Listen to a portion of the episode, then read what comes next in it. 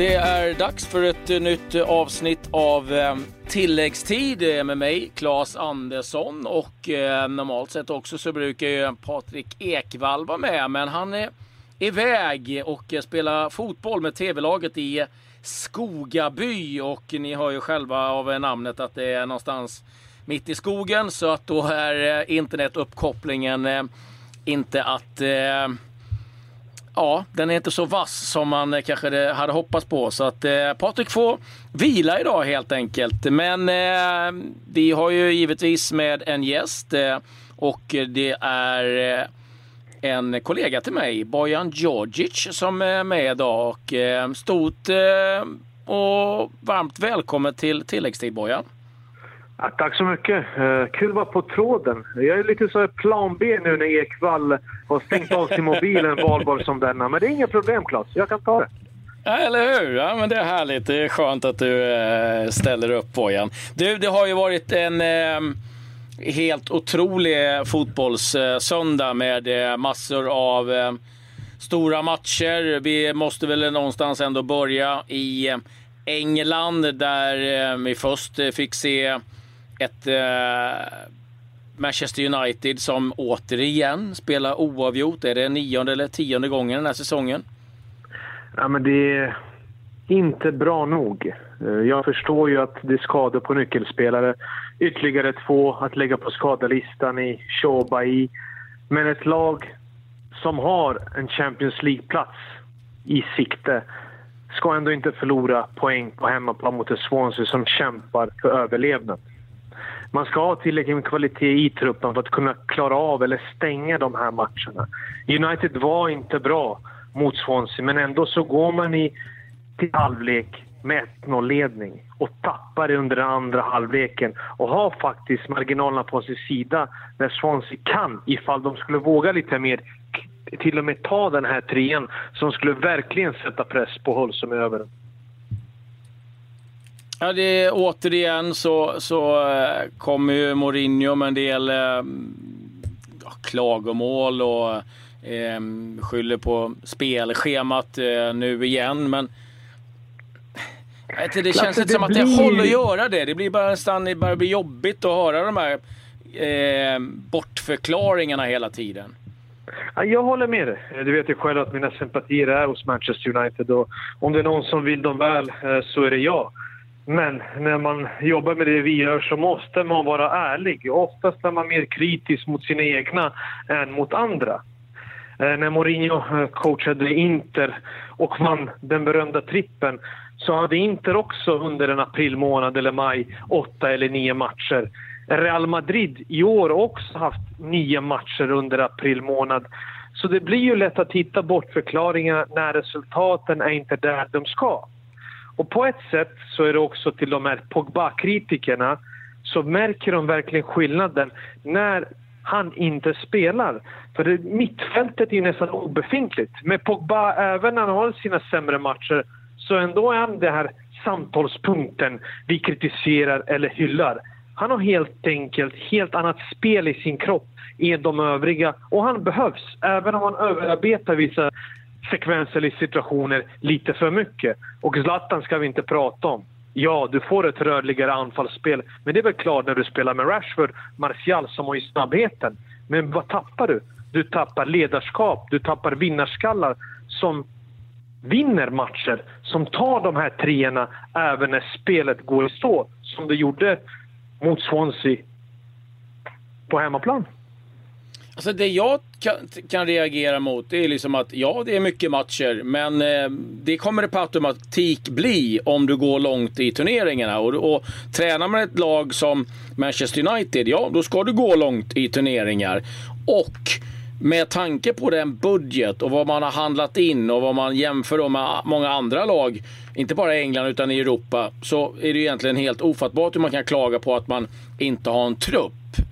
Ja, du, hur tränar du din trupp? Hur använder du din trupp? Det är ju någonstans också saker man kanske måste börja analysera istället bara för att nu vet vi hur Mourinho funkar. Det är perfekt för honom att lägga fokus på något annat för att någonstans kanske slippa ta ansvar för det som har skett på plan.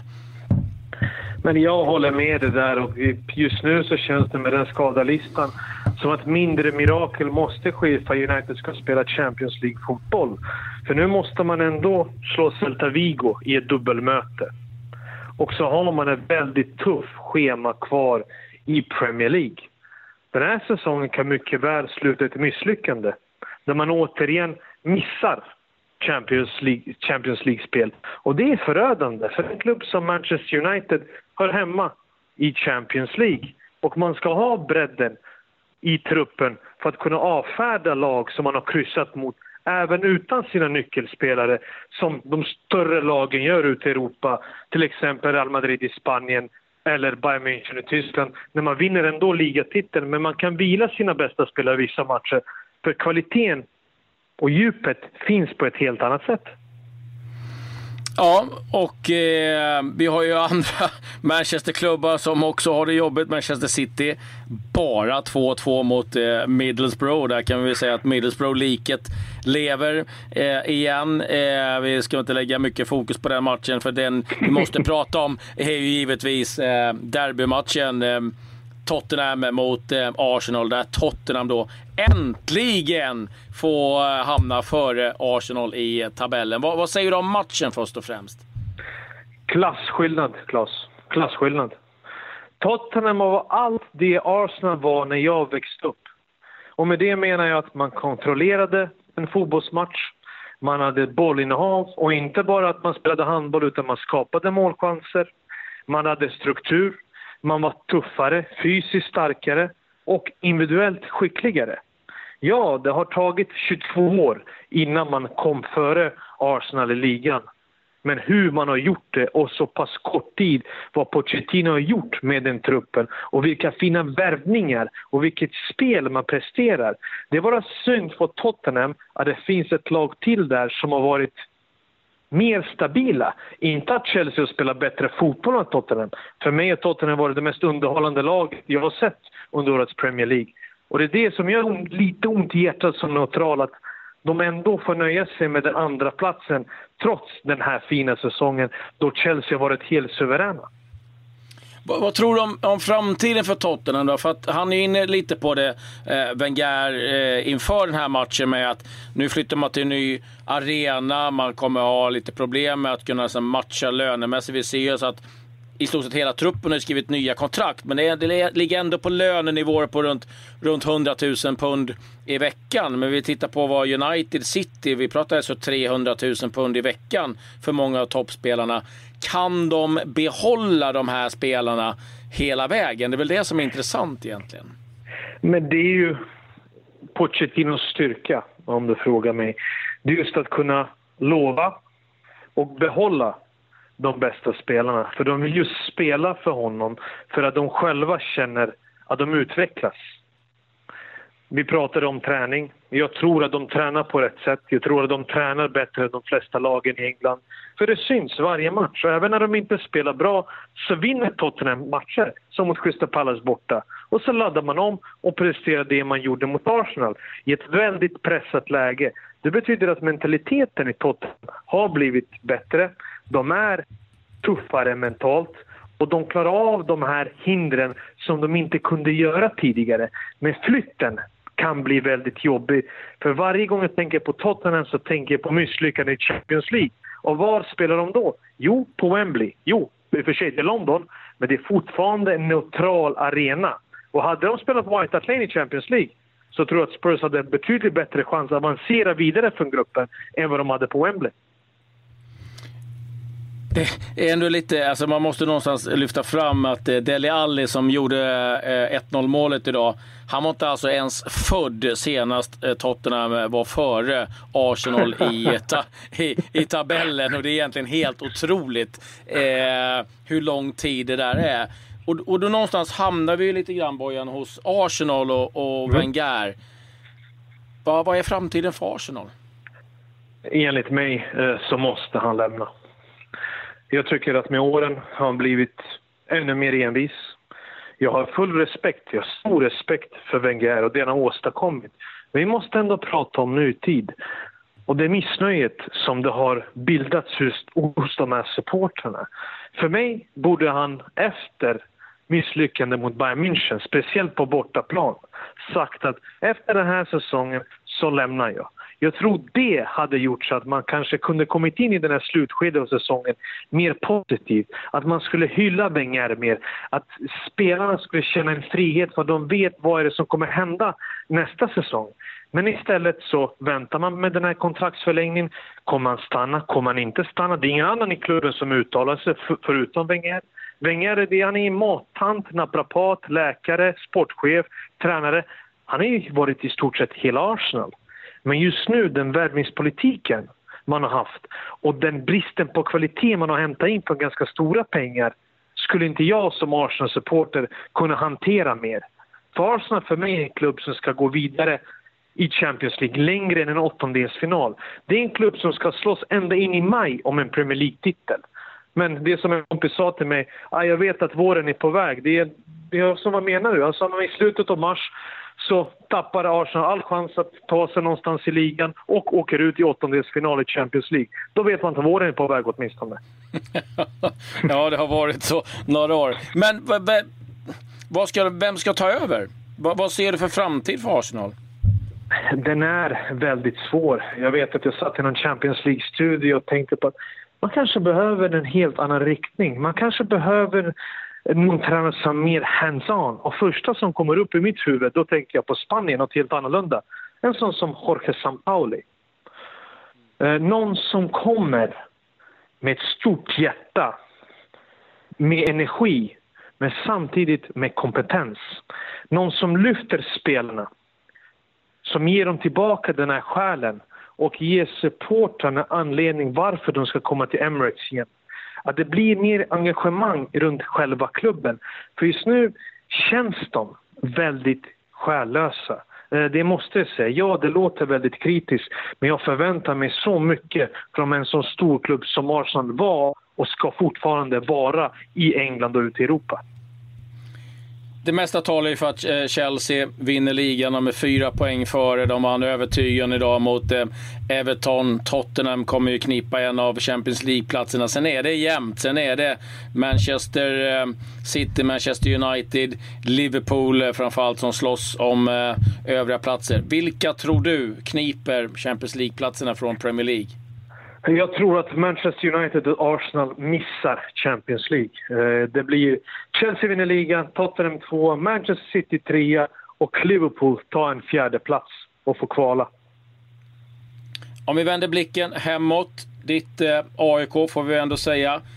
0-0 mm. mot Sundsvall. Vad, vad säger du om AIKs inledning framför allt? Eh, den är inte alls bra, Klas. Jag får själv vibbar från det hemska året 2010 och den usla starten efter det fantastiska SM-guldet och cupguldet. Eh, man vet, eller jag vet som alla andra AIK-supportrar att alla har tjatat om fart och då betyder jag med spelare som naturligt går i djupled och som garanterar dig en målskörd mellan 15 och 20 mål. För det behöver du ifall du ska vara uppe och slåss om ett SM-guld. Och AIK är en av de största klubbarna vi har i det här landet. Supporterna förväntar sig mer än att hela tiden ligga i topp 3-4 men aldrig vinna. Eh, trots den hybrisen vi alltid haft så ska vi vinna mer än vad vi gör. Det är bara att kolla efter andra världskriget. Vi har vunnit 92, 98 och 2010. Det är alldeles för lite. Och man behöver mer spelare med kvalitet, Claes, ifall man ska kunna klara av de här hindren. För enligt mig är allsvenskan så pass jämn så att vi inte ser något lag som är extremt bra eftersom den har med åren tappat lite i kvalitet. Varför tror du liksom att, man, alltså, att man är så sena med att ta in en forward som man har sett att man behöver? Uh, man chansar lite grann ändå på, på en forward eh, eh som man tar in eh, eh, utifrån eh, som man inte liksom, har riktigt koll på. Istället för att gå på någonting som man känner att ja, men det här behöver vi. Det här, vi behöver en stark, djupledslöpande forward. Nej, jag håller med dig. Och det är inte så att man inte har en försäsong i Sverige för att kunna se vad man behöver. Eh, du, du behöver inte vara någon expert eller du behöver inte vara så fotbollskunnig för att se även i början på säsongen vad AIK skulle behöva för att kunna nå resultat. För ja, man, är, man har varit väldigt stabil under Rickards ledning med en 3-5-2. Men efter ett tag så börjar ju andra lagen läsa sig in. Var kommer farorna komma ifrån? Ja, man har ingen djupledsspelare, man har ingen snabb kvickspelare med omställningar. Det betyder att lagen själva kan också flytta upp sina försvarslinjer och göra det mycket svårare för AIK. Eller låta gollen gå till ytterzon och på så sätt kunna hantera de här tidiga inspelen. Eh, kvalitet behövs. Eh, jag har inte svaret varför det har tagit så lång tid. Men för en klubb som har målsättning att vinna ett SM-guld så borde de här pusselbitarna varit på plats långt, långt tidigare än vad de är nu. Ja, AIK startar alltid på våren. Det är alltid våren som blir avgörande. Det fäller den eftersom hösten är så pass bra. Men just nu spelmässigt är jag inte så övertygad eftersom truppen är ganska tunn och mer kvalitet behövs. Och de fortfarande de mest tongivande spelarna är de äldsta. Och det är Nils-Erik Johansson som är 37 år, det är en Stefan Ishizaki som är född 82 som är 35 och en Henno Goitom som är född 80, 80, 84. Vad händer efter? Man måste kunna planera också lite långsiktigt. När du tappar Nisse, Ishi och Henok om ett par år, eller kanske även nästa säsong med tanke på åldern, vad är det man har efter? Då behövs det kvalitet, då behövs det ännu mer noggrann scouting och det finns tillräckligt bra spelare även här i Sverige för att kunna plocka så inte man behöver göra de här misstagen och gå utomlands och hämta spelare som kostar pengar men är inte bättre än man faktiskt kan hitta i dörren bredvid. Mm, det blir intressant att följa AIK. För fördelen är ju att eh, det är oerhört jämnt som vanligt i, i Allsvenskan. Lite övriga nyheter. Vi kan börja England. Bolton tillbaka till Championship, studsar tillbaka direkt. Sheffield United också klara för eh, Championship. Om vi blickar eh, mot Italien så hade Juventus eh, fredagsmatch. Det blev 2-2 mot Atalanta och eh, på söndagen här då så var det ju Romderbyt. Roma förlorade hemma med 3-1 mot Lazio och eh, det där svider givetvis oerhört eh, mycket för Roma som eh, har Milan nästa omgång. Efter det har man Juventus och skuggas just nu av eh, Napoli som ikväll besegrade Inter med eh, 1-0. Och eh, Bojan, vad överraskar mest ifrån eh, Italien om vi tar det lite snabbt? Det är Lazios övertygande seger. Trots eh, Strottmans Nej, men det, jag vet inte vad man ska kalla kan, kan man kalla det ens filmning? Eh, det var ju så hemskt att se, Claes, att jag har fortfarande ont i magen när jag ser sekvensen och vad man kan blåsa straff nu för tiden. Och det är Strottman vi snackar om, en spelare som inte alls förknippar med sådana dumheter. Och på ett sätt då är det glädjande att sånt sådana ögonblick inte blir avgörande för det derbyt. Och Kita har hittat formen. Det är hans femte mål eh, på två matcher. Och vilket jobb Inzaghi gjort med Lazio. Men han måste vara kandidat till årets tränare. Att med den truppen, utan någon bredd alls, kunna prestera och leverera vecka in och vecka ut. Och varje vecka så förväntar man sig att nu kanske de faller. Och nu kanske kommer fallet. Och ändå lyckas de plocka upp sig själva, resa sig och göra det så pass bra under hela året. Ja, de har eh, verkligen eh, imponerat. Sen ska vi säga det att eh, på kvällen här också PSG förlorat eh, mot Nice med 3-1. Två röda kort i eh, PSG och eh, nu öppnar det upp än mer för eh, Monaco som eh, leder eh, ligan med tre poäng, en match mindre spelad. Det var väl allt vi hade från tilläggstid den här kvällen. Stort tack Bojan eh, för att eh, du tog dig tid att vara med så här på kvällskvisten. Tack och, själv. Och eh, du måste också nämna att två av de röda, det var till PSG. Och vem gjorde första målet för Nice? Och vem startade matchen? Super Mario. Han lever än. ja, han studsar tillbaka. Han har förmåga Alltid. att eh, göra det. Ja, det är en härlig, härlig figur. Eh, vi säger tack ifrån oss och eh, vi är givetvis eh, tillbaka imorgon. Och då hoppas vi att eh, Patrik har kommit tillbaka från skogen också. Adjö, adjö.